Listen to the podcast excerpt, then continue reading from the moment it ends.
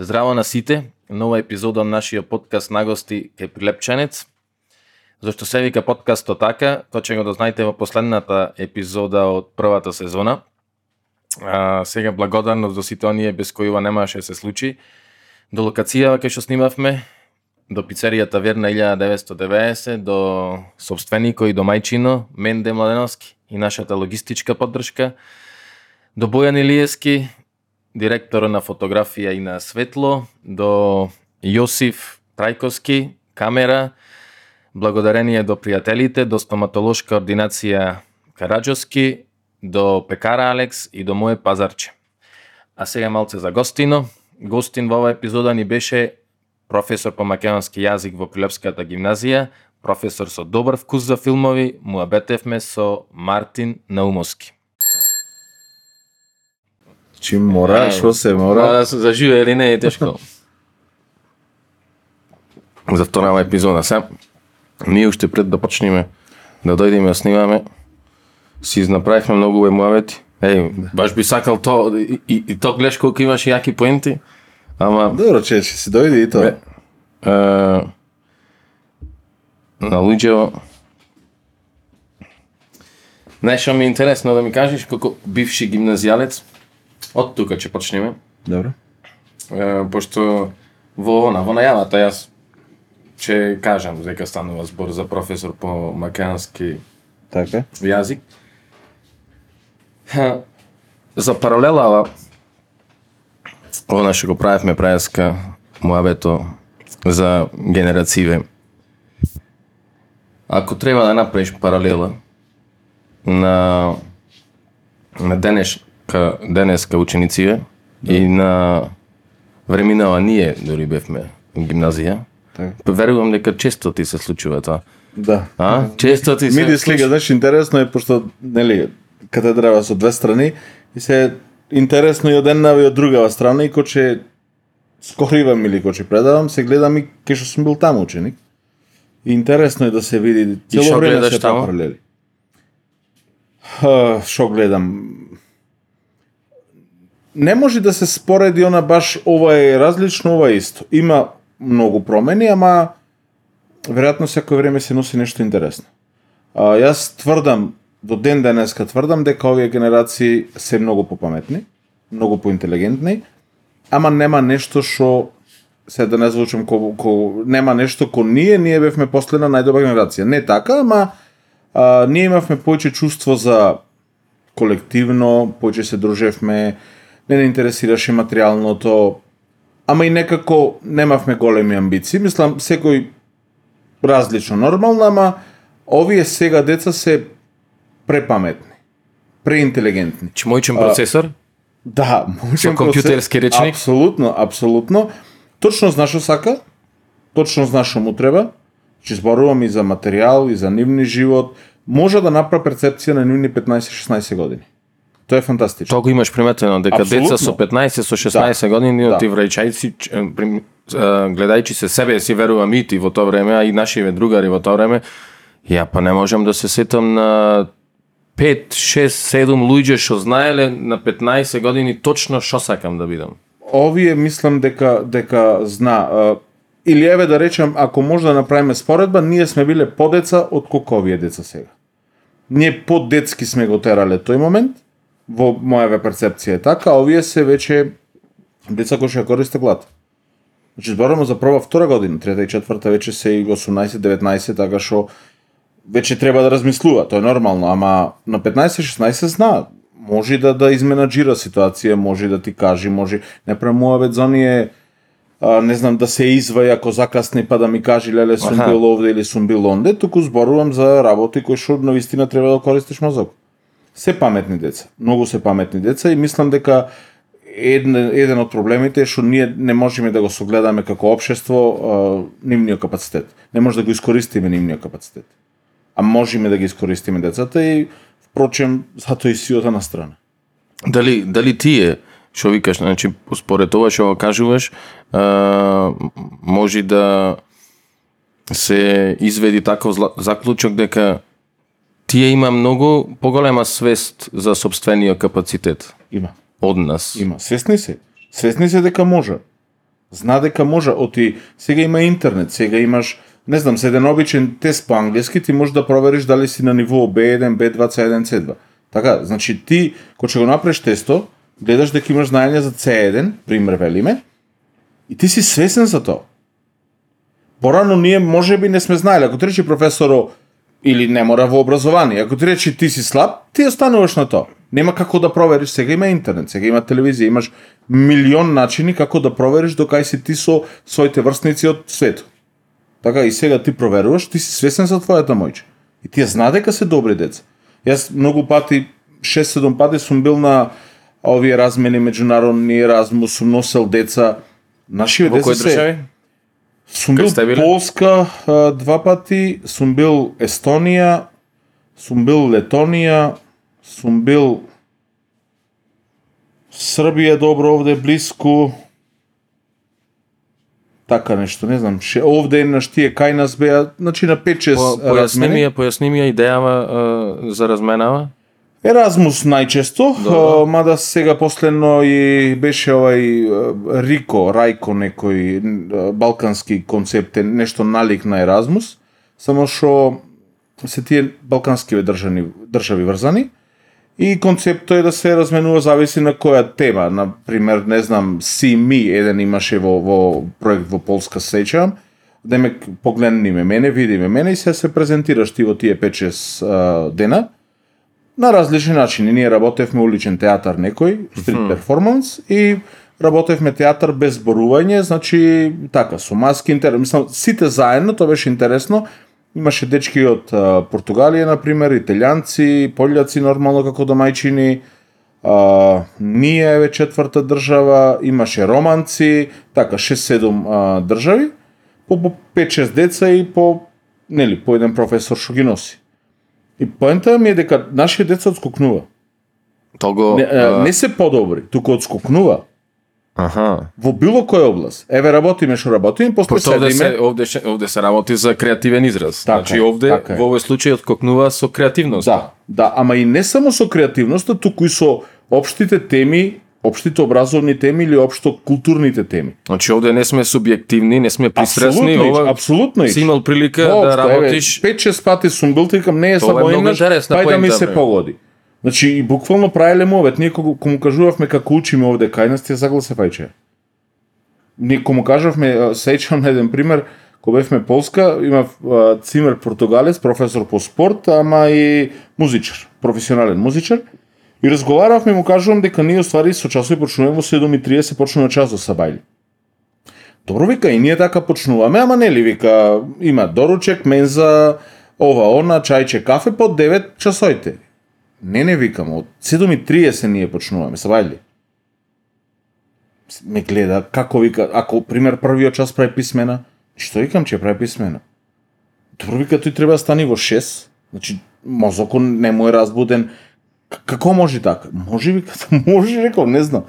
Вика овие деца така има такво образование да вика. Вика за мене е тоа фантастично. Ние вика одиме во 7 и пол сабајли. Значи тоа е за него се има- као нешто спартанско да речем. Чудно му е, оти, оти нормално ако размислуваш, нели, и на возрастни, мозоко сабајле ти спијат. Ти стануваш за на работа, например, од кревет стануваш, нели, хигиенски навики, се разбудуваш полека, полека, ма организмо уште спие, не можеш да го разбудиш ти наеднаш. Значи, она му кај 9 вече Добро. почнуваш да функционираш. И овој вика е нејасно како едно дете, например, може да има прв час математика или физика и да прави тест. Во 7 и пол. Значи, спија, телото му спија. И нормално е да му спие телото. Вика, ние се разбудуваме, вика, пола сат. Дали тоа ќе му се дај по една круасана од 7 и пол, пример, до 9. Дали, не знам, кафенце, чај, нешто, мензи големи, па тие класој таму, па или па со спорче се почни да се раздвижа, нормално си има тие туш кабини, си има собликувални и такви некои работи. Му беше нејасно. А, ајде да речеме не навлегуваме во условите на образованието, туку му беше нејасно како се толку спремни деца. Ама мислиш, мислиш дека ова што си го приметил дека се дека одскокнува нашиви ученици, мислиш дека е последица на образовниот систем, ова што речеш е малце спартански во очиве на Цимеров твој или се работи за некоја а, природна дарба? а, на луѓе од овие простори. Ош, Интересно, а, не, немам размислено зошто се понапредни, ама веројатно природна дарба, оти образованиево не, не че да е баш овој да го носи тоа, ама може и комбинација од двете. И прво на дарба, да речеме 70-30, кај што оти има и фантастични професори, има фантастични училишта, кај што може да го види детето, да го осуети, да му го види квалитето, да работи после тоа.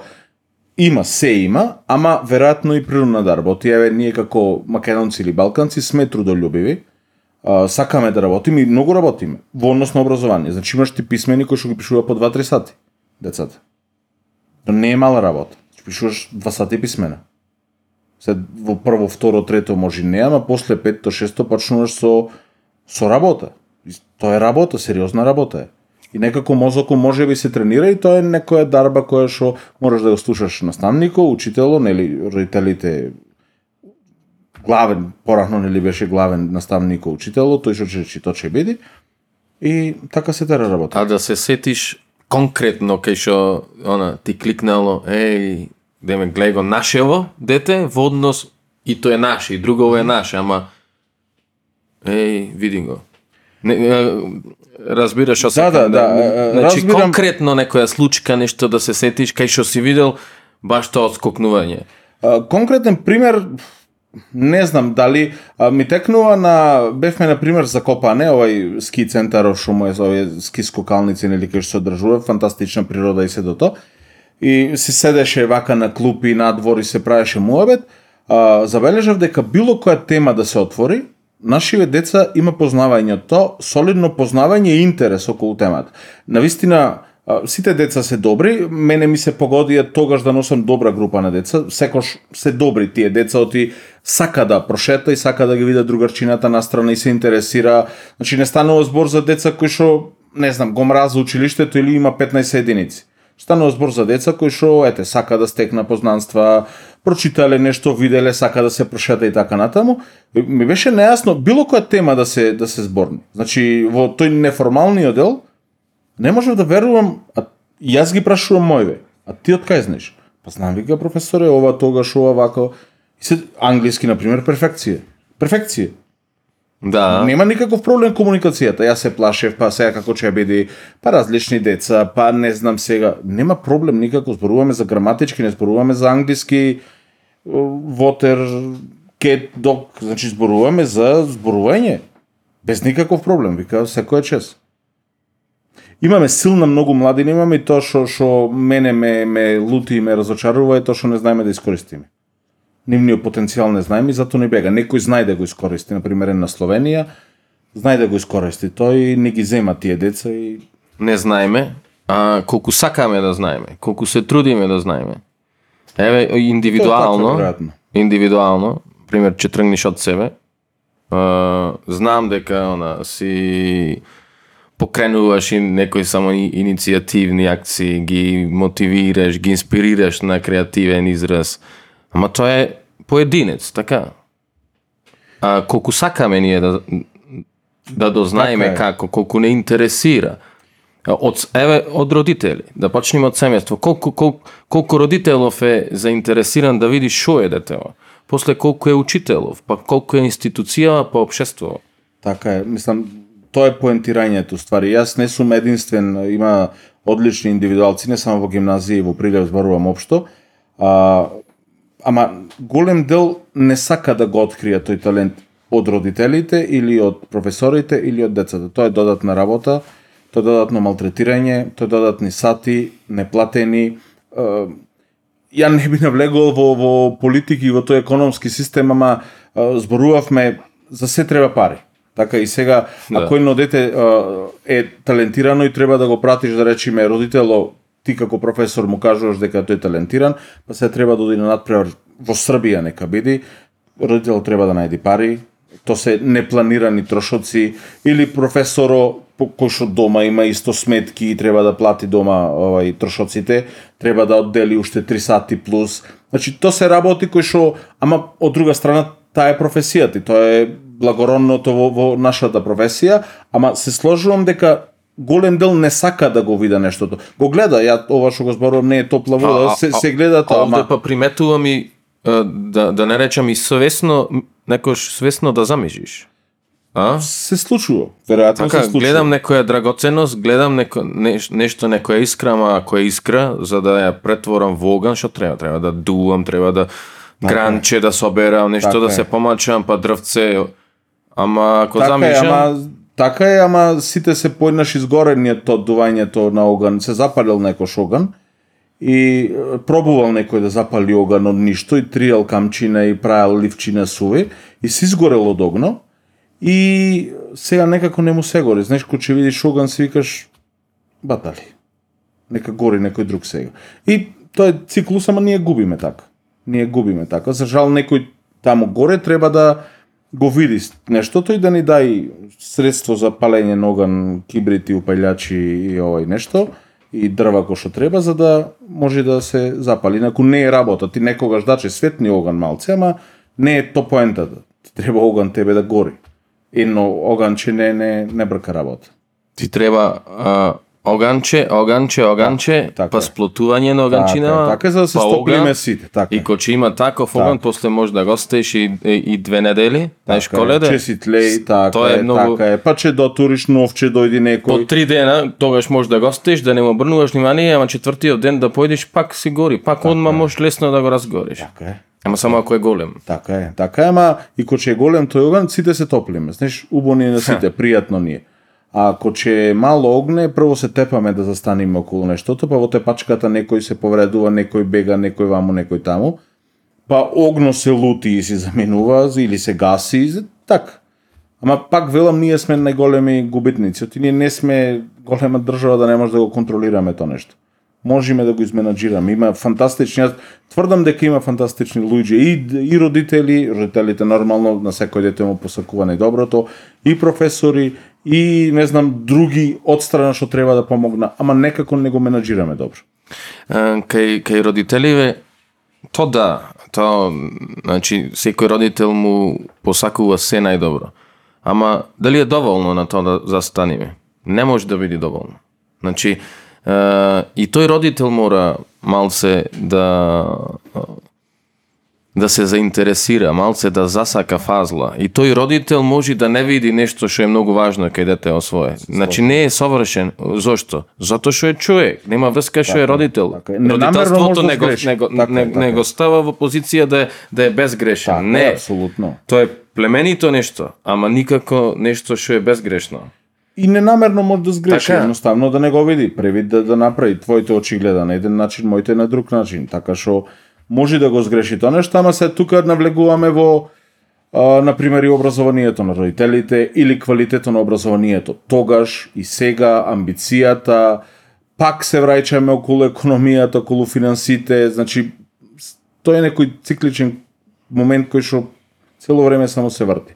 Ако некој родител карикирам растел на него со тутун, многу тешко ќе го иджва кај моментот кај што негото дете го побарал, не знам, Microsoft да работи во Германија.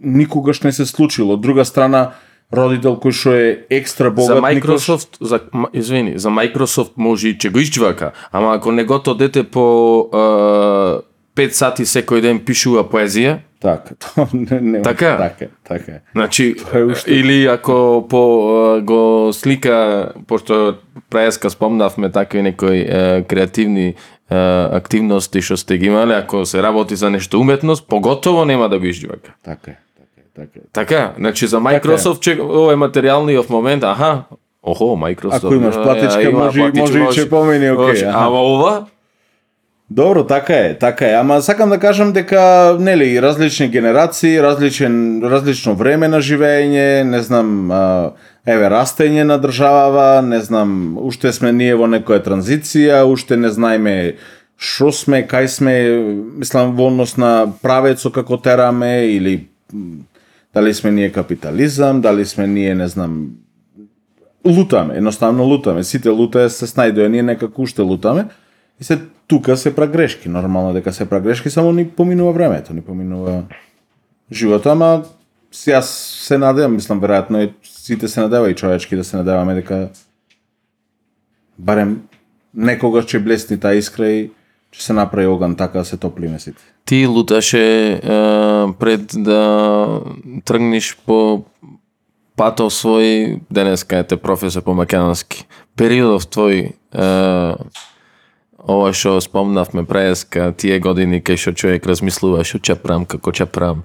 Неш, не, не направивме паралела за денешниве деца, зна, така, јасно, еве, имаш овде зад камера, не, нема да го виде гледачиве твој ученик, значи, паметни, способни, јасно му е. А, а ние, ние во тие години, твоето искуство со барањето, каде, што? Како што реков и преска, ние некако имам чувство дека бевме под деца. Ја, на пример, а, како гимназијалец, да речеме, од трета и четврта година, активно се занимава со спорт, нормално тоа е во Македонија и во Прилеп не, не Со кој спорт? Во тој период одбојка се занимава. Одбојка. Да, играв одбојка и единствена желба беше да станам одбојкар, нели? Ја не размислував дека треба иднина да имаш и она те носи страст, те носи пасија, ти само гледаш топката, гледаш Значи само тоа, да има 10 пати тренинг дено, 10 пати ќе тренираш и во суштина ни, ни на, на, на, на мал дел од мозокот немав дека одам на филолошки. И на крај памет. Аха, тоа е А, интересно многу. Да, значи а, тој избор на факултет ствари мене така ми дојде и е пак поврзан со овој претходниот момент кој што го правевме муабет, затоа што јас сакав да запишам на ДИВ како спортист. То време да речеме бев окей, добар, да запишам на ДИВ и да продолжам со тоа, ама пак финансите беа проблем. Тогаш моите не можеа да го покрија нештото, ДИВ имаше многу повисока партиципација од колку филолошки. А па од друга страна книгите мене им беа хоби. Никогаш не читав за да не знам, да покажам нешто на некој, толку сакав да си читкам. И единствено логично размислување или избор после разочарувањето, пошто не можам на див, оти видов дека немо, не може па се да страда некој а јас да одам на див по секоја цена, значи секој како вела стари се пушта нозете докај што е чрџето. И видов дека не може на див, дека реално не, не може то така да биде. И ајде решив на македонски. И Значи љубовта кон книгиве, да, тоа така, Љубовта без јасна некоја визија без зошто ништо, како без ништо. Ми чини дека прво и второ на факултет, ја не знам дали има одбрано никогаш не ми текна што ќе бидам кога ќе завршам на факултет. Никогаш не размислував што ќе биде кога ќе дипломирам. Едноставно тоа го поминував Значи, онака. е, просвета и... Не, не, не, не, не, то плати, па ништо то ни на крај памет не ми идеше што ќе се случи, е се кога дојдеш четврта година на испит 2, веќе тука нешто ти проработува, ама првите години веројатно зато некако окей ги поминав. Не зборувам окей во смисла на високи оценки и не знам Првите што. години за време на студии? Да. Значи ги поминав окей затоа што ми беше едноставно се. Ако треба да се прочита нешто супер, немам проблем, ако треба да се каже нешто за делото, да си го кажам моето мислење. Имав среќа да имам плејада на добри професори, на пример, одлични колеги, на пример, што мала група на студенти кај што си близок, значи не е да речеме не знам како правен економски, па илјада студенти во амфитеатар, па со никој не се знаеш, ние бевме 60 вкупно, тие 60-30 на одеа на, на предавање, тие 30 на редовни беше 17 и си правеше една група и веќе функционираш заедно. И беа одлични, имаш одлични професори, така што лесно сето тоа помина, ама веројатно помина сето лесно затоа што во ниту еден момент, а имам впечаток и за моите колеги така дека не беше е, во, во глава ставено колку ќе биде да платата како професор не знам што, туку сите некако појче од љубов. Ајде, читкам, сме се собирале да читаме. Што, еве, на, на овие млади генерации, не му иди на памет. Не. Не. Тие се, се собиравме во стан да речиме, не често, не дека ние секој вечер правевме такво Дружење, нешто. дружење во стан, да се читка, собереме, да И читаме. да се читка нешто. Значи, да му понудиме е, таква идеја за дружба вечерва на група од нив и само шо? Чизбега од нас. Така е, така е. И може и во право што избега, затоа што не знам, не се знае кој е правилното. Ти многу би било лесно ние кога знаеме што е правилно и, и ама има многу аспекти секој од своја страна. Така што кој како мој убо веројатно на тоа се сведи за жал. Е, ова со со дружба за за читање стварно не можам да го замислам јас е, денеска и јас сум човек што сака да чита и да се собериме, да се забавуваме така што ќе читаме книги. Изненадувачки има многу а, многу пријатели, друштва а, и од колеги и општо што знам дека кога се собера фамилиарно да речеме во недела на викендица, се читка песни, чита се- книги. ама зборувам за повозрастни генерации или генерации кои што не се 22-3 години. Се читка, значи не знам, јас најдов убава песна, скарата се прави, салат че имаш. Прекрасно. Онака, не знам, мене ме носи Бодлер, тебе те носи Петре М, не, значи уживаш во моментот, не битно што, уживаш во моментот и то ти е неисфорсирано. Мене ми е убаво, најдов песна да ви ја прочитам. Океј, никој не ти се сме, никој не те Еј, супер, па утре ќе те натера тебе, такво нешто, ама за жал се тие ретки работи. И е веројатно подобро да се тие ретки работи. Молам викни ме некој да се дружам со вас. Ајде, ајде, ако има скара, ако има природа, е, вака пивце и ако се чита поезија, викни ме те молам. Значи, Готово. ова На, наредна прилика. Кошо. Или можеме ние да организираме, да, па што? да ми се реваншираш, значи. Готово, важи. Е, Добро. Со сакам да продолжиме до овде малце да се за- задржиме. Значи одиш ода прва, втора година студи. Кога почнува да се оти гледам дека кај тебе као е, го одбирам тој факултет ете заради финанси. Сакам да студирам, сакам да да одам на факултет. Не е тоа што го сакам, ама всушност има многу работи што сакам во нешто. К како се развива тоа? А, сега ако размислувам, веројатно два две несречни околности ме натераа уште повеќе да го засакам тоа што сега го сакам. Првиот беше финансискиот дел што не може да запишам на филолошки, а после тоа кога се запишам на филолошки, а, во втора ми се чини година, така нешто, имав тешка повреда, спортска тешка повреда, скршив ногата, ама многу тешка повреда имав и, и тогаш морав да се тргнам скроз од спорт.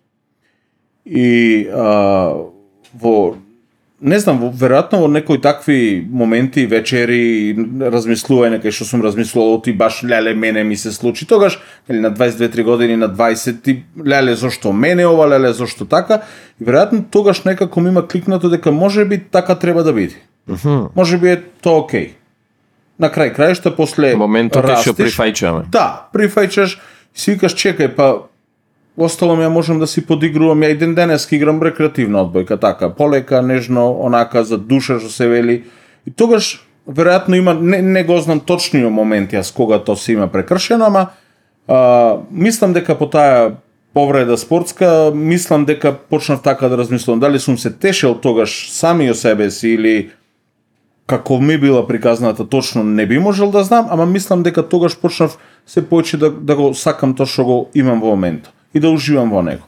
И полека почна да си расти таа приказна и си дојде до еден степен кај што си дојде. Имаше чувство дека институција како што е факултет, како што е катедрава за македонски јазик, дека а, те обучува да бидиш утре професор? Има, дали, пошто голем дел, голем дел, завршувате во како како професори, така работите во просвета, Така. се некој може ќе заврши на на Така некое е. друго место, ама дали имаш а, тоа чувство дека тука се создава прво професоров или професоров го создава Мартин сам?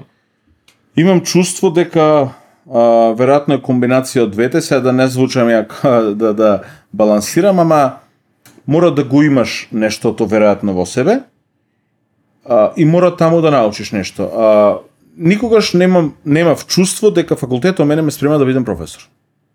Јас за себе зборувам.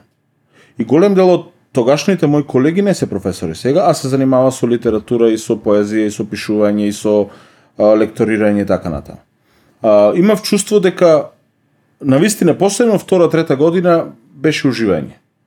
Никој со ништо не замараше. Веќе четврта година може би некој се праја некој калкулација. Сега шо после факултетов? Затоа што беа ни други времена, затоа што од дома ти вела кога ќе завршиш факултет, ние не можеме да те финансираме во Скопје, мора да работиш ти. И пак некако се сведува се на пари, Ама немав чувство, нема немав чувство дека а, факултетот те спрема ти да бидеш професор. Она, кога ќе влезеш, ти пред табла, па сега пред табла, ти овде застани лево, застани десно. Мислам дека секој професор или секој добар професор мора да го има во себе или да го најди во себе. Не може да те спреми ништо и верувам дека е така за секоја професија. Нити за доктор, нити за, не знам, полицаец, нити за таксист, нити за копач. Мислам дека мора да пронајдиш нешто во себе. Ако го имаш, ако го немаш, ќе видиш дека е грешна професијата. Мене, на пример, еве 11 година работам, ми се нема случајно јас са бајле алармо да ми задзвони и стварно не го кажувам то ради реда, да, да сум пишман што ми задзвони аларм. И мислам дека тоа е една од придобивките што ги имам со професијата. Образованието можеме да зборуваме до сабајле колку е лошо и колку било лошо и колку ќе биде лошо и така натаму, ама јас никош не сум почувствувал дека имам тежина со одењето на работа. Веројатно затоа, она што го спомна, сум работел и додатни активности, не само јас и многу други покрај мене, едноставно те исполнува. И може би тоа е клучна за секој човек како си ја сака професијата да биде веројатно добар. Добар во незе. Да, ја не можам да речам, не знам дали сум добар или сум лош, ама знам дека на Сабајле не ми е криво што сум професор. После ми е криво кога ќе дојде сметките за плаќање струја и ова и она, ама шала на страна, мислам дека дека сум си го пронашол тој дел кој што бил наменет за да бидам Од самиот старт, од самиот почеток, може да се сетиш е, со колку години почнуваш да работиш како професор? со 25 или 26 така. Со нешто 25, тука со некако. 26 години се појавуваш пред 30 средношколци. Може да се сетиш на се дали е прв ден, буквално се прв момент, дали Сеќам, може на да, тоа да. искуство да се сетиш? А, Оти сега сега е Мартин има само доверба, сега Мартин има искуство, така, сега Мартин има километража. Така. Ама Мартин што до некни беше на клупа, А, Сега има, треба да има биде- една интересна случка, си има случајно, нема да именувам а, кои се професорите што ми го направија тоа, ама а, првиот ден кога појдов на работа, многу го сеќам, а, нели, бричен, кошулче, и имаше гужва сабајле пред канцеларијата гимназија, деца, значи, одмор, голем, мал, и, и тогаш јас кога појдов, а, правилото било дека нели има две страни е, скали во гимназијата, два влеза, и се правилото било дека не треба пред канцеларија тука да поминува деца, дека под другите скали се оди на втори. И случајно се погодија неколку деца и дојдов јас во тој момент. Излезе на професорка а, која што подоцна ми беше колешка и нормално ми е колешка. А, и се развика, заминувајте од тука, не смејте да стоите пред канцеларија, му се развика на деца. А почнав ја во зима, во јануар. А, првиот ден од, од зимскиот распуст почнав, прв пат, и викам професорка са, ма ништо не ме интересира, вика, заминувај. Викам само, заминувајте оде пред канцеларија. Ја, никако не си сега, не можам да ја речам, јас сум тој и тој, страв ти е прв пат одиш на работа, не, не е едноставно. Заминав ја со деца. не знам што да направам. Среќа се појави овај професор, директор, директорка тогаш. Ајде, вика, влегувам в канцеларија, вика, колеги, ова е Мартин, тогаш влегов на замена, вика, че заменува таа и таа професорка и натре професоркава која што ми збрка. А таа ми беше и професорка во средно. Леле, Мартин, леле, ути не кажа. Викам, пробав јас да кажам, ама некако неста со време. А интересен е моментот на првото цапнување пред табла, ја оствари тогаш сватив дека а, можам да бидам професор. Немав страв кога застанав пред табла. Оне момент што викаш 30 ученици, ново ти е се, некако немав страв. Појче имав страв од дневникот кај се пишува, часо кај кај се заведува и не знам такви некои административни работи, документација, не знам што, отколку контакто со со интерактивноста со ученици.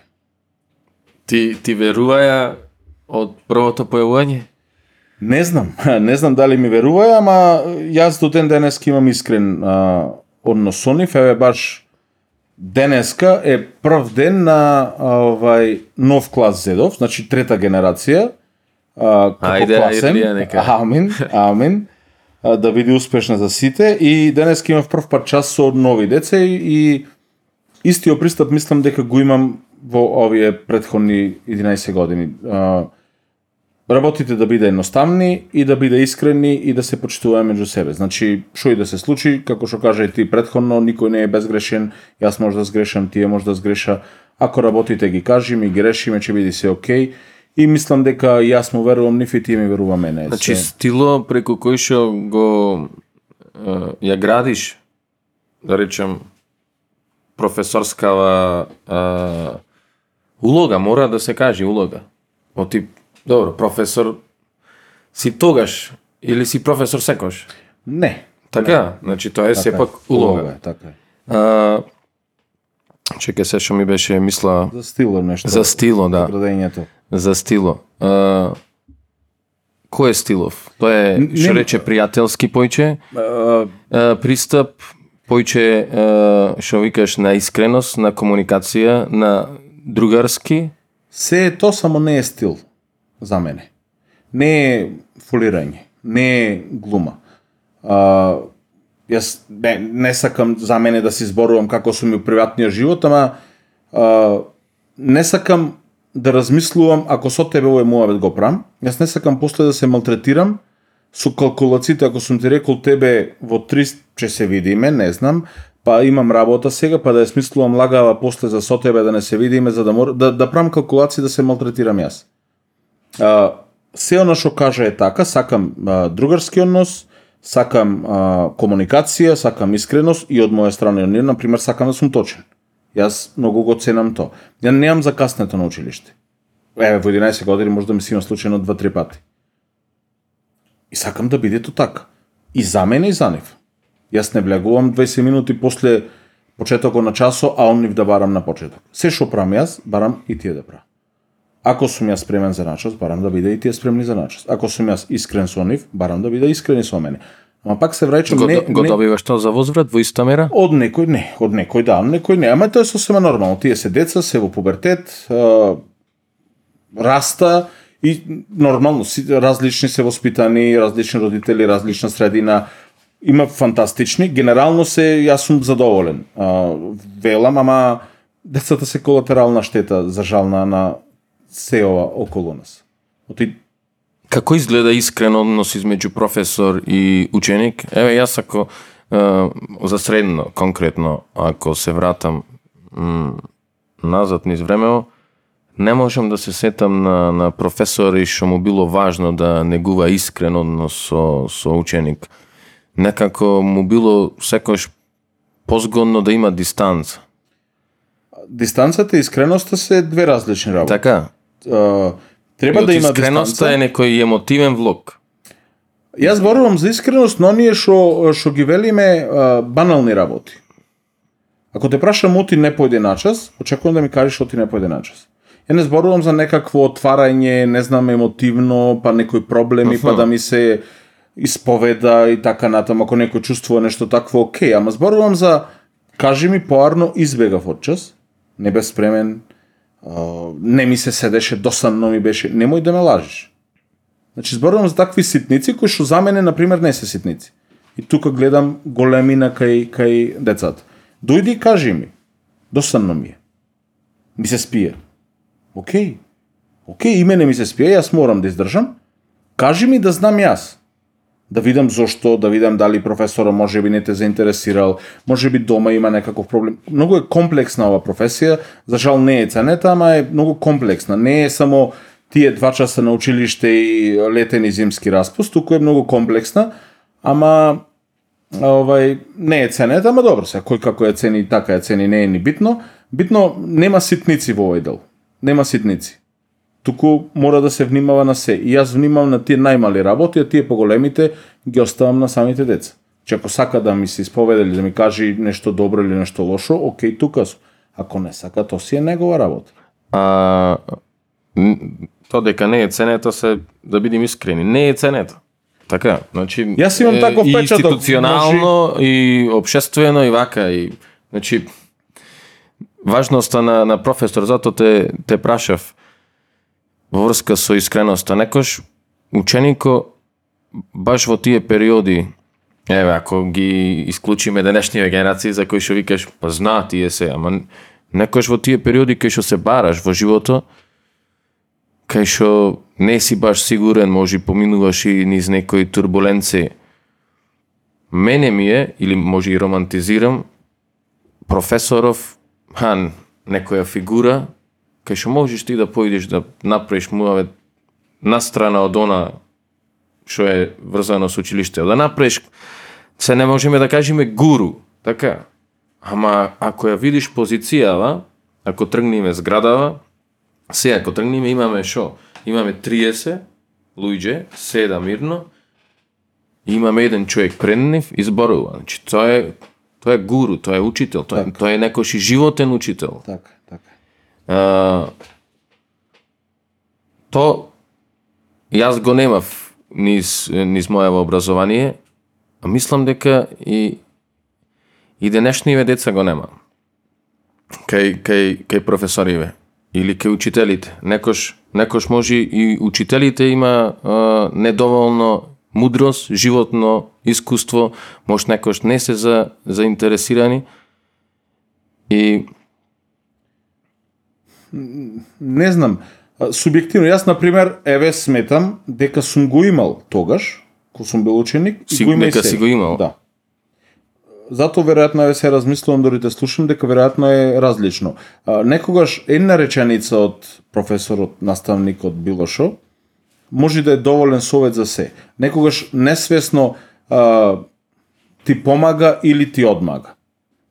И мислам дека и сега постојат многу професори, значи зборувам генерално, не не само за гимназија или за прилеп или за за државава, кои што а, излегува во пресрет на такви деца. Оти сега децата има за жал многу поголеми проблеми а, затоа што се соочени со ова брзо темпо на живење што носи секакви проблеми, а реков децата се најранливи и мислам дека професорите општо во светот игра голема улога или треба да игра голема улога. Јас сакам да верувам дека игра голема улога и дека може да попра многу работи. Впрочем, мислам дека образованието и, и, и, и цел тој систем дека може да, да го направи светот подобро место за живење. Единствено образованието. Што си среќен кога ќе видиш дека си успел да да постигнеш кај што што те исполнува? Дали последна генерација од 4 години, дали нешто во пократок временски период, што ти исполнува? Што стварно викаш тоа е тоа? И, и, и за себе, и за него. А, не знам што ме исполнува, би било клише јас да речем дека нивната насмевка и нивното задоволство ме исполнува. Ама еве можам преку пример, а, а тука имаш и сведок на, на тој пример, еден од моментите кои што мене ми биле незаборавни, на пример, за еден мој роден ден, а, ми донесоја тетратка, принтана, не знам каква средена, со ликој од мој омилен филм. А тоа е? А, а тоа е друштво на мртви поети Dead Poets Society. Аха? Мене со ми е- Роби Вилијамс. Со Робин Вилијамс, мене ми е омилен глумец тој и тие направиле знаеле, виделе, јас веројатно некој сум го постирал или така натаму, знаеле дека тој ми е омилен филм, таму станува збор за еден професор и еден клас, нашле таков джемпер, облека на учениците, а, нашле, не знам, се што треба, нашле цитати од нештото и ми подарија едно такво нешто. А, материјално, веројатно, нема воопшто вредност, но јас ден денеска ми стои во дневната соба, таа е таа генерација од тој дечкото кој што е овде зад камерите, а, кој што за мене нема вредност. Нема не, не посто пари на светот кој што може да да да го продам јас то и тој и одговор. Среќен сум кој че свата дека малите работи прават задоволство. На пример, никогаш, еве ако зборуваме за роден ден и на пример, никогаш јас не сум добил подарок од типо на златни ланчина, е, не знам ки шо. Секош некои ситници такви сум добил. Од една генерација, на пример, а, од што се зафркаваме вака, на часови, да ме каде каде и некако во тој момент ми било мене како реченица, како фраза, еве одам ресен на плоштад. Ми купија карта за ресен автобуска. Значи, некои такви моменти кои што да, да, тоа ми е поента да сакам да да видя дека може да се усречи и тие и јас и секој со со такви мали работи. И се радувам кој ќе свата и кој ќе науча дека тоа е тоа во суштина. Тоа ми е најголема добивка или кој ќе сме работеле на некој проект, ете тој еден а, фестивал кој што се работеше в гимназија, Гимфест или некој поетски вечери, кој ќе ги изнесам на сцена и ќе си го добија заслужен аплоз од публиката и кој ќе види дека вреда. А ти, а ние ништо не направивме, публикава леле, не е леле. Значи, виделе дека има одреден квалитет и за среќа, многу од нив напредува што ми е посебно посебно сум задоволен и среќен што напредува и со добри факултети и си го работа тоа што го сака и во област на уметност и во област на науки, природни јазици и така натаму. Тоа е веројатно среќата. Колку и да звучи клише, тоа е то нешто. А поврзано со а, македонскиот јазик, Добро. што сакаш да видиш кај деца поврзано со тоа? Ту, тука што ти е А, да видам и то ги терам, денеска му го кажав то, мојата цел во овие 4 години на овој сеја клас и на сите Ова ти претходни... беше денеска говоро Да, првата средба со Не, то, то му го кажам секогаш. Сакам да ги научам да си го сака своето. Да си го сака својот мајчин јазик, македонскиот, а својот јазик си го сакаш само ако го познаваш. Значи, запознајте си го својот јазик, зборуваме за ниво на средношколци, после ако сакате да се надополнувате, имате факултети, имате постдипломски, имате докторски и така натаму, но засаките си го своето. И за среќа пак можам да речам, посто такви деца. Имало безброј иницијативи да се посети куќата на Блаже Конески, на Петре Мандреевски, Дениција една, една генерација сега лани што завршија за време на короната решија да снима, го има тоа негде на YouTube, да, да, да ја снимаме, а, мислам дека Бели Могри беше на Рацин, Значи се договоривме ти една песна, ти друга, ти трета, дали професоре можеме. во видео форма Во беше видео нешто, мислам форма дека беше, пошто бевме во карантин, секој да си најди по една песна и да ја среди, се монтира сето тоа. Видов дека постои љубов, дека има интерес за тоа. Значи, да не ги тераш ти да, да, да си го сака своето. Така што тоа е овај најдоброто, а посто верувај дека посто такви деца. Посто такви деца, ма за жал се а, малку или се изгазени од тие што сака да не знам, живее турбофолк. турбофолк. Сака или се приморани да живее? Може би се приморани. Може би неće да излезе од стадото, од јатото, па да бидат црни овци на општеството и може би и ги оправдувам. Може би е то така страшно и на тие години, и на секој години. Е то така страшно, ама посто деца што се храбри.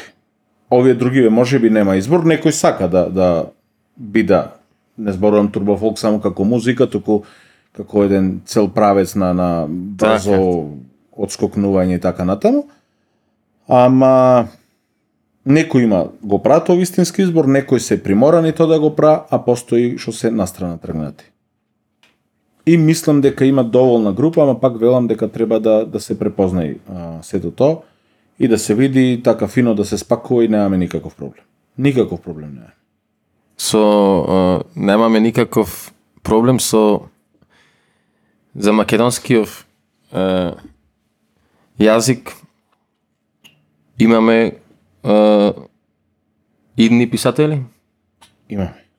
имаме идни талентирани романописци, поети, Имаме. Имаме, верувам дека имаме. А, добивам да речеме еден куп а, литература која што ете ми верува децата и никош не сум го изневерил тоа нешто, кој што ми рекле не сакам да ја објавам, сакам само да ја прочитате вие да ми дајте ваше мислење. Има зачудувачки огромен број на деца кои што пишува. Зачудувачки огромен број. за какви форми најмногу е Поезија, најмногу, најмногу поезија, а, овај тие се некои моменти веројатно во тие години љубовна болка, не знам нели, дечко, девојка, па разочараност и такви некои работи, ама мислам дека децата носа преголемо бреме за своите детски години. Не зборувам тука само за овие нормални детски а, или тинејџерски моменти од типо на љубов, туку она што го велевме преска обшествените проблеми од типо на политики, од типо на финанси, од типо на сите тие родители, работи се, рефлек, се деца, така е. рефлектира во а, материјалите што ти ги доставува, така? Така е, се рефлектира. Се рефлектира и ти е добро што бара вентил еден испусен да напише нешто. И не е битно колку е тоа квалитетно, ти знаеш пошто пишуваш, битно е да да излези на хартија и да излези од тебе. Да да се почувствуваш добро. Едноставно ти може по два дена и да го искиниш нештото или да мислиш дека ќе напишеш нешто подобро, ама има еден Е, Ќе куплет. зборниме зашто е важно е, како делува терапевтски пишување, значи Така. зашто многу луѓе е, мислам дека не зна ако ќе речеш пишување сед нешто треба да биде, не треба ништо да, не биде, дека е самиот чин терапевтски, ама ај кажи ми за квалитетов ме интересира. На не, нивото на да, не мора, значи, кој што викаш, не е важно, точно, не е важно, ама дали има квалитет? Дали можеш да препознаеш? а, има квалитет. А, и тука се појавува една едно помодарство, сега почне па сите да пишува. Имаш таков печаток? Има. Се почнаја а, да пишува и тие што знае што може, почнаја да пишува и тие што сака да пишува, а реално не може. Мислам, може секој да пишува. И лошата а, литература е добра литература, и лошата песна е добра песна, ама некако некој се преценува и малце не знам како да да да остава некој друг белек на нештото. Кај го стекнуваш тој впечаток, јас тој впечаток можам да го а, на социјалните мрежи може би најмногу. Апсолутно. На социјалните мрежи се се мери во лајки ако некој дете има да речеме и не само деца, тоа и кај и кај возрастните се рефлектира, ако имаш да речеме појче пријатели, имаш појче лајкови, ти автоматски имаш подобра поезија отколку некој кој што е повлечен, ама пишува фантастично. Пак е тој некој популизам кој што со кој што сме обкружени ние според мене. Некако се гледа а, надворешната слика, не се гледа она она внатре и а, некако преовладува можеби а, квантитето пред квалитето во тој дел, ама има многу квалитет. Е се квантитето значи дупло поголем од, од квалитето. Има, а, значи има квалитет. Има. А ова е интересен исто момент, прочитај професоре, ама само меѓу нас, значи така? Да. Не, ова јас не го делам со Так. со други, не го објавувам. Ова ги имам напишано. Сакам само ете, ваше мислење. А, се Тоа што ти говори? Тоа ми говори дека а, тие, а тука влегувам и јас, на пример, еве и јас пишувам цел Знам дека живот, пишуваш. ама, на пример, многу ретко и јас објавувам нешто, или, или да, а, некако гледам дека постои бариера во светов како ќе бидеш осуден од надворешност. Страф мој е дека кој објави таа песна, а, може да дојди до, не знам, смеење и смевање, а, невосприемање на песната како што ти сакаш, ти мислиш дека си напишал песна која што сите би рекле браво, супер, а некој ти рекол, аха, да, окей.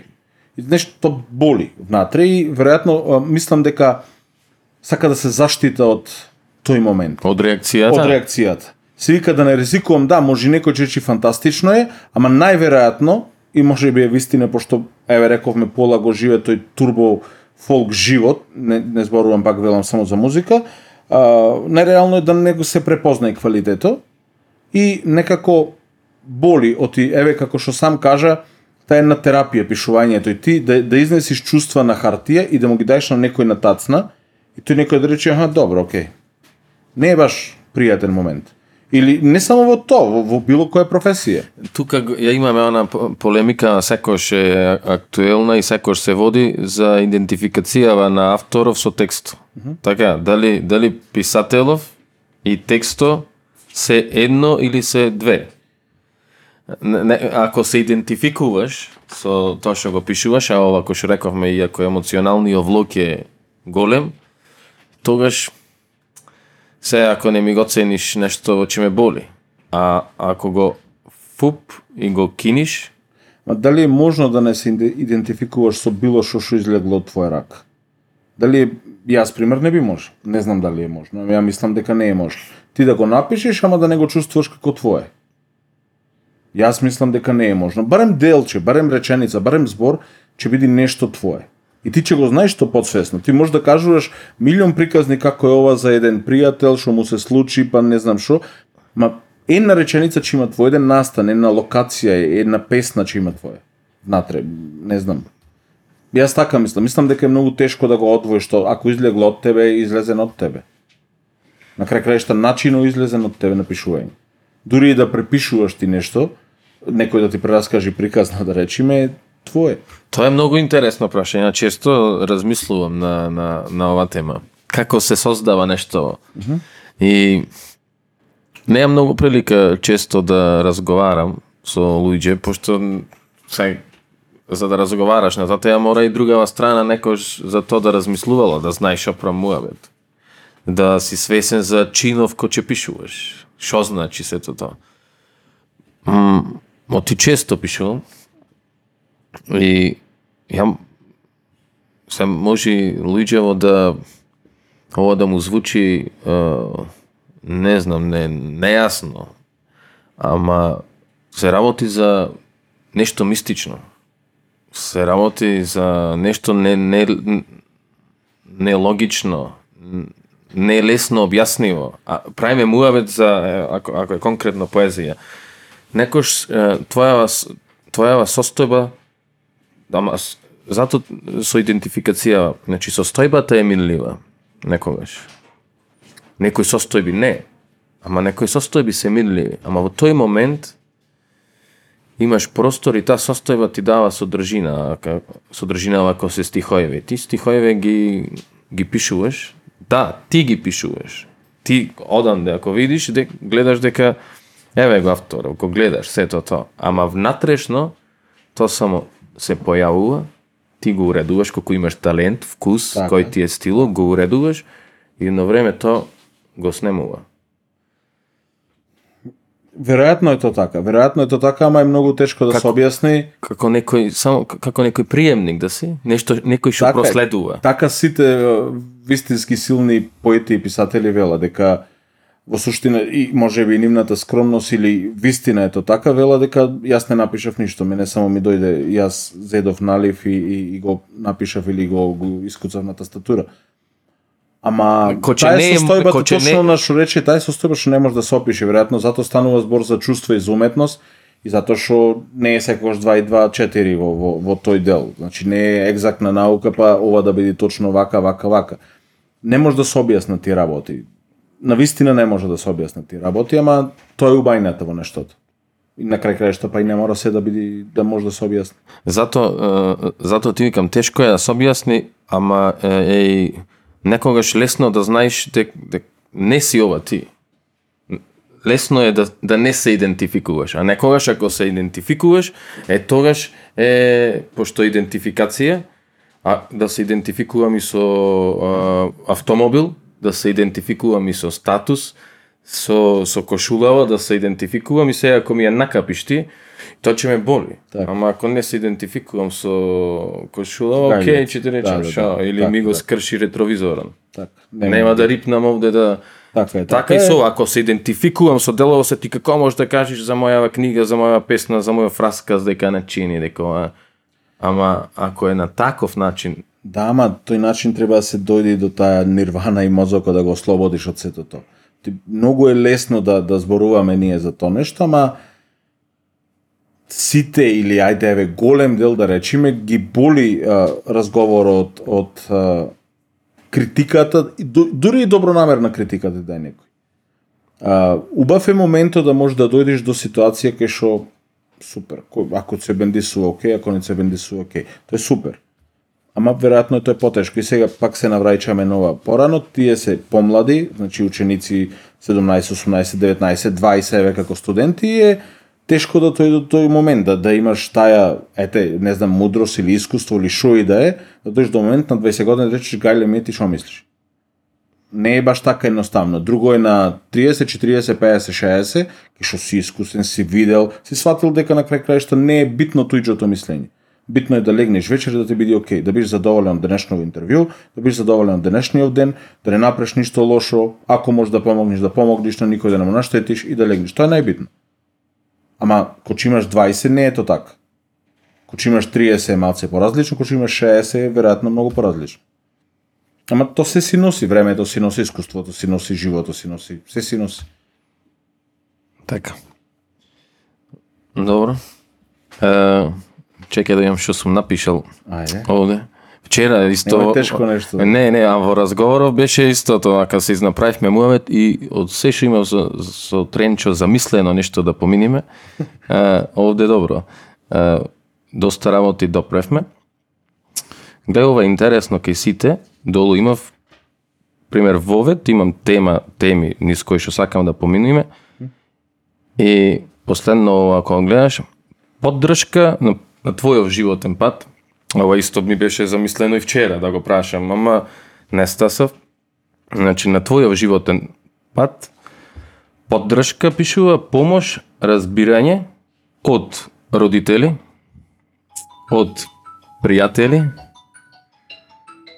од сограѓани, од институции и од среќни околности во животот. Од тоа ме интересира. Од последно ај да почнеме. Од среќни околности во животот. Каков ти е однос кон тоа? Веруваш дека некош самиот живот, мислам живот, што подразбираме под живот, се, така, се, некој би го рекол што космос, универзум, Бог.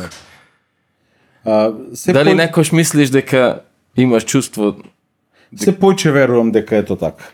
А, како што поминува периодов, се појче верувам дека е тоа така. Еве и прес како правевме муабет, од ко ја имав таа повреда на ногата, почнав да верувам дека тоа уствари така треба да биде. Ете, не било пишано јас да бидам одбојкар. Може се тешеш, ама може те носи на друг пат. И верувам, се појче верувам дека некако судбински? Да. Да.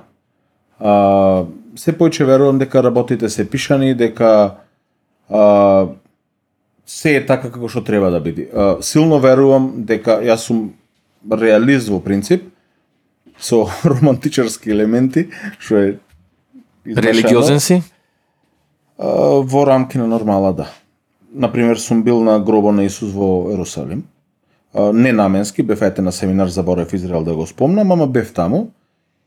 И тоа што го почувствував е исто така незаменливо чувство, ама Мгм, сум Интересно. религиозен во, во доза на нормала. Значи, одам во црква, не знам, на, на празник некој, ко- кој што да сите, не сум фанатик религиозен, ама ја почитувам религијата и религиозно сум воспитуван, моите биле се а, овај религиозни, куќна слава или Божик или Великден и традиции и така натаму и сакам да ги почитувам, мислам дека сте добри работи. А за чувство, што е со чувство во Јерусалим? О, не си прв од кој што го слушам ова дека има нешто почувствував на луѓе што биле во Ерусалим. Не со, не сум немал прилика, ама ова сум го слушнал и исто и од една другарка негде на на телевизија од луѓе што имале прилика е, да бидат таму. Нешто е исто, нешто исто, што му има, да, не, не може да се објасни, на пример, е, многу е то тоа искуство во Ерусалим и во Израел општо е исто незаменливо, ама овај не може да знаеш зошто е тоа така. Пред да одиме овде, а, пред да одиме Ерусалим, нели со другари кажуваш друштво дека ќе одиш за месец два и имаше муабет, демек внимавајте од енергијата која што може да се шири таму. Се, и ние прашува каква е таа енергија, што се случува. Сега јас не знам дали то чувство што го почувствував таа мојот претходниве моабети овде што се праја, или јас го доживев така нештото, ама дефинитивно постои нешто кое што не може да се опиши со збор, за мене. Не зборувам сега, не знам, религиозно, Бог го гледаш, па не знам, не. Едноставно чувствуваш нешто во тебе не е форма, не е форма, туку некое чувство кое што Хм, не знам, ти дава чувство дека си жив и дека си човек. Интересна работа. Тука веројатно се поврзува и историски моменти и емотивни моменти и нормално секој религиозен, кој че се моли, си спомнува на, на своите, на блиските, на сите што му го сака доброто, тука емоцијата нели работи, работи сами историски момент, знаеш дека тука се случило нешто, знаеш дека тука нешто било големо и веројатно сето тоа се вклопува, ама се добива, јас за мене зборувам, се добива чувство кое што не може да се опиши со збор, никако не може да се опиши со збор. Дека е сеено, мислам дека на никој не му е сеено или не би требало, ама не знам. Духовност? Не знам што се случува. Каков ти е односов према она што се нарекува духовност? Знаеш, многу различни луѓе различно, нешто различно подразбира под духовност. Си, си изградил некој однос кон тоа? Во Мислам дека не, немам некој висок стадиум на, на во однос на духовност како филозофија одредена или такви некои моменти. Сакам работите да ги доживувам колку што може поедноставно, да ги перцепирам така, а, а во однос на духовност а, не доживувам дека можам дури еве и новие години со ова животно искуство да дојдам до степен да да да вистински да допри таа духовност до мене. Не зборувам само за религија, туку зборувам за некој момент на на еве пак велам на некој нирвана, некој некој момент кај што не може поинаку да биде тоа. Мислам дека дали е уште рано или или треба многу во живото или не знам што е, ама не се оптоварувам некако со тоа. Не размислувам Не оптеретување. Добро, да. Е, ме разбираш во см... еве и ни сигурно писатели што ги сакаш или луѓе што ги почитуваш, историски личности. Знаеш, е, сите тие значајни луѓе, мислам секој човек е значајен, ама правиме абетете така за некои историски личности, во нивниве биографии скоро па да е некое правило, дека е има потрага, значи дали е научник или е писател, има има потрага по тоа што сме. Знаеш, во таа смисла духовност, и таа идеја Да, дека не а- сме само дека не сме само тело, од кај да тие идеи, она преска со тебе што го правевме муавет дека ние да, ова е животинско, ова е животно, ова иди од животинскиот свет, ама имаме еден една друга во нас димензија што не прави да видиме луѓе. така е, така е, ама Та потрага сум видел дека е присутна кај сите. Е, кај, и односно кај многу од нив. А, ја има веројатно, ама јас па пробувам а, да ја да најдам човечност, ако да речеме, еве го спомнавме Робин Вилијамс, мене ми се поинтересни фактите човечките факти, отколку како тој се спремал а, психички за една представа или каков бил негови однос кон Бог.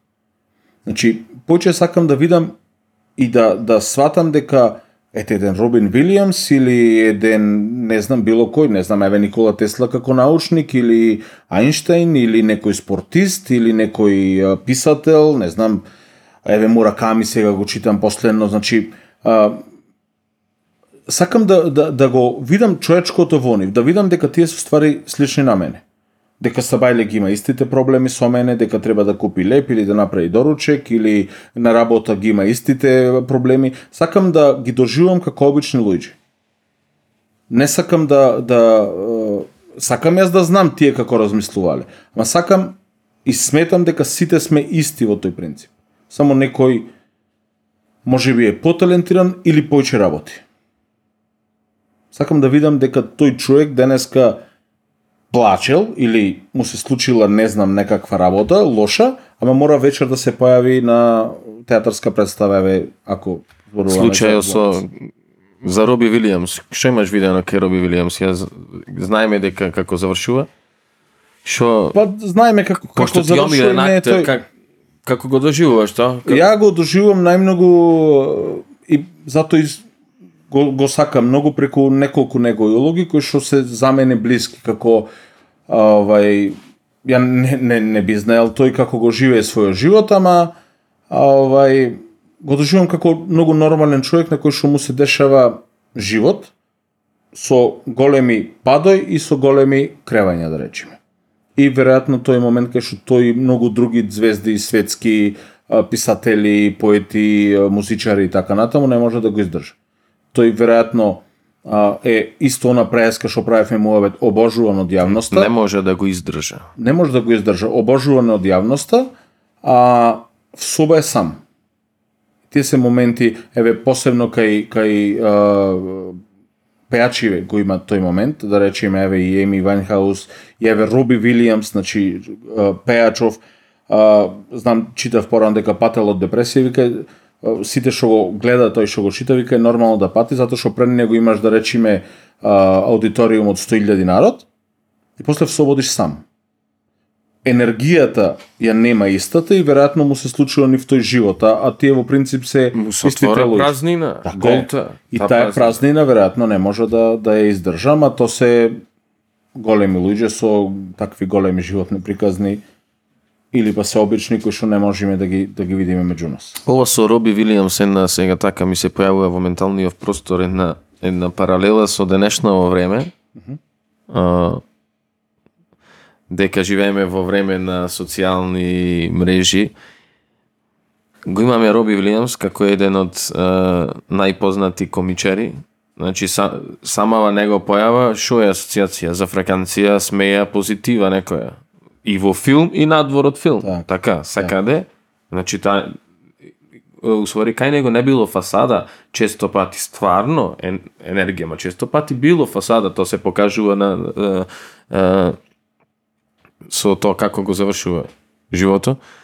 И сега една паралела со со денешно време, колку ние гледаме е, такви лица ко од Роби Вилијамс. За жал многу. Така? За жал многу гледаме и тоа е една сериозна работа за некој кој што се стручни со тоа. Мислам дека е многу премногу турбулентно време за да можа сите луѓе сами да си го изнесат товарот врз себе. Мислам дека посебно па во вакви држави како нашава кај што немаме силно развиена свест, а, самодоверба за себе и така натаму, мислам дека тоа е проблем кој што е многу често овде кај нас и дека некој треба да се занимава. И пак тука велам образованието има клучна улога со тие педагози и служби и, и луѓе кои што може да му помогна со еден разговор, со, со еден убав збор и така натаму, затоа што сите еве примери со овие големи светски звезди се плаша од то тие што се надвор. И во себе се затвора, се затвора и то то А дури, а, а дури во себе не е добро како да имаш потреба да го излажи животов и ти ставаш шо? Ставаш дека е добро. Така? Значи, затоа со паралела со Роби Вилијамс, Така е, ма еднаш на крајот, знаеш, се вртиш назад, има едно дело, веројатно го имаш читано Смртта на Иван Илич. А, се, еднаш мора да се свртиш назад. Ти можеш фасада и можеш што сакаш да правиш. А, дома на вечер нема бегање од тебе. Ти можеш до моментот, дури не си легнеш дома, да бидеш што сакаш, најценет, најпосакуван, најгледан, најфален, Ама дома вечер кога ќе легнеш, нема бегањето. Ти знаеш дали си ценет и дали квалитетно нешто направи или денеска само изменаџира со публиката и знаеш дека видоја тие што сака да видам, а ти во себе си незадоволен. И не можеш да избегаш, мора да се свртиш назад да видиш еднаш еден ден мора да се свртиш назад да видиш муабето од преска. Така. Дека кога ќе се свртиме назад, дали сакаме да видиме да биде животов наш авторски филм, така? Тоа е тоа. Тоа е тоа. Тоа е тоа. А веројатно, кој што рековме, е многу тешко да го направиш живот авторски филм, а би било фантастично. Ама да биде твое, да биде од, Ама од тебе. ав, авторски филм што значи? Авторски филм значи да кажам некош имам трема, некош да кажам не ми е најдобро, некош да не се смем, некош да ми биде долу погледов. Значи така тоа е е. авторски филм. Така е, ама... Така да да кажам дека сум ранлив, да да сгрешам, да има борба. Така е, ама се помалку го имате. Се помалку и помалку. Мој впечаток. Дека се помалку и помалку го има тоа нешто. Ти авторски филм? Градиш? Веројатно, веројатно како и сите други не. Веројатно, па би било сега не да јас градам и сум најдобар. Не, не е така. Веројатно јас сум Не најдобро во смисла на авторство во, во пробувам, живот. пробувам да бидам свој. Оти автори сме не само ако создаваме ми- Така, така, да, автори да. сме Сега сме автори. Пробувам да бидам свој. Пробувам да имам мој начин на живот, пробувам да имам мој начин на предавање, пробувам да имам мој однос со пријатели, со фамилија и така натаму. Значи пробувам да бидам свој. Колку успевам во тоа, ќе покажи времето нормално. Ама дека јас сум баш свој, дека ништо не ми влијај, нормално дека влијај. Си- Јас сум од крв и месо, ти и сите останати сме од крв и месо и не може туку така тоа да се тргне. Пак велам веројатно тоа иди со време, со искуство, со години и така натаму, ама пробувам, сакам да оставам мој впечаток. Јас сум тој, Идејата за авторство постои. така, постои. Постои и, и се трудам да колку што можам да да бидам свој. Сега некогаш појче некогаш помалци, ама тоа е веројатно нормално. Добро, Мартин. Со што ќе завршиме? Со то дека ќе ми кажеш добра е идејата за збирката прв пат што ќе ја издавам. Да, А? да, добра е, добра идејата и добар е концептот што То- што го смисли. Тоа е два и чекам од преска да те прашам. А пошто е, еве да и луѓето да ги запознаеме, ја и Мартин прв пат денеска се запознаваме, така? Така, така. Значи се запознаваме на вака, подкастот. Да, да, да, да. И лично прв пат седнуваме и си Така, пиеме си пивце денеска. Мислам ние сме во комуникација Така, и така. сме она сме посакувале да седнеме, што викаме да седнеме в кафана да се видиме Така, ко, ко така. Луиджи, ама до сега сме немале. Денеска прв Така, пат се запознаваме. Гледа е, како се запознава Така така. Мартин и Далимир. То уште од преска долго време само ете ние комуницираме, се се допишуваме, ма вака во, во живо. То кажи ми за как што мислиш? Види, мене многу ме бендиса твој концепт, твојата идеја на, на нештото, затоа што прво не е стандарден. Мене ми е окей тоа. Мислам, ти можеш да си одбереш песни, станува Така, иначе само само да да, да појасниме се Така, работи, така. неам никогаш до сега издаена моја збирка поезија, Добро. Иначе пишувам Така. долго време и, не знам, фазла сигурно од 1000 миниатури во стих во изминативе 10-12 години напишани и се прв пат сакам тоа нешто да го во книга да го има. Така. Тоа е супер, имаш концепт И барам да, помош. Да, така, имаш концепт да да одберам јас мене што ми се бендисува од твојата поезија, друг, трет, четврт. Мене првично ми се бендисува тој начин на на кој што се влегува затоа што не е стандарден. И значи не е момент, а, не е моментот јас. Мене тој момент ми е добар и верувам дека тој е правилен момент. А, може би е подобро во животот да се почне јас ова, јас она, ама сметам дека е подоблесно и по а, не знам, поскромно и поквалитетно да се почне со другите во смисла туѓата среќа и туѓата поддршка секој ќе те ќе те крени тебе горе. А, ти тоа што што си го напишал за тебе е супер и може да бидеш и само критичен и критичен, ама концептот кој што го го го направи мене ми беше многу интересен, нормално јас одбрав тоа што мене ми се бендесуваше и искрено јас од душа чекам да видам Одбра, како ќе одбра многу фазла тоа што ти рекол. Па да, Одров ми се бендиса Да, да, да, и да, да. тоа што па реков после прај си ти, мачи се ти. Јас се мачев тој период да одберам само 10 требаше нели или така нешто, ама не можеш само толку, па после реков нека си прави Тоа е, тоа дали стварно беше идејата. И со душа чекам, стварно со душа чекам да видам концепцијски како ќе излези, како како ќе изгледа сето тоа. Значи ти Добрила, Камелија, е, Елена, сите Ирина, се е, Џоко, е, Јас знам од прилика се кој се добри шо, знаеш, ги имаш односо. Ама ми беше, так, ти викам, кој идеја кој ми се појави, аха, чекај, ова ако го одбера други, сама оваа книга има да ја содржи нивна енергија, Така. селекција, не моја, Така. оти, Други очи селекцијата, нешто. селекцијата не, знаеш, ова е песната како песна, тоа е финалното, ама селекцијата и таа е еден вид на енергија. Ти, Така е. оти, ти едно препознаваш, едно те бендисува, друг, Така друго. И сега Секој се поистоветува со свое, така и некако се прави како народна во смисла од, од народот. Ти си бираш ова, ти ова, значи за сите очи ќе има по нешто и затоа викам концептот ми се ми се бендиса и ми е окей, баш като тоа што е нестандардно, што ми е исто така окей. чекаме е, во предстојнава година ќе се потрудам за лето ова време да Ајде, ајде, Добро Мартин. да ја прославиме. Деца вика дека технички сме на при крај. Фала ти. Фала ти што што прифати еве да ни видиш гостин во подкастов.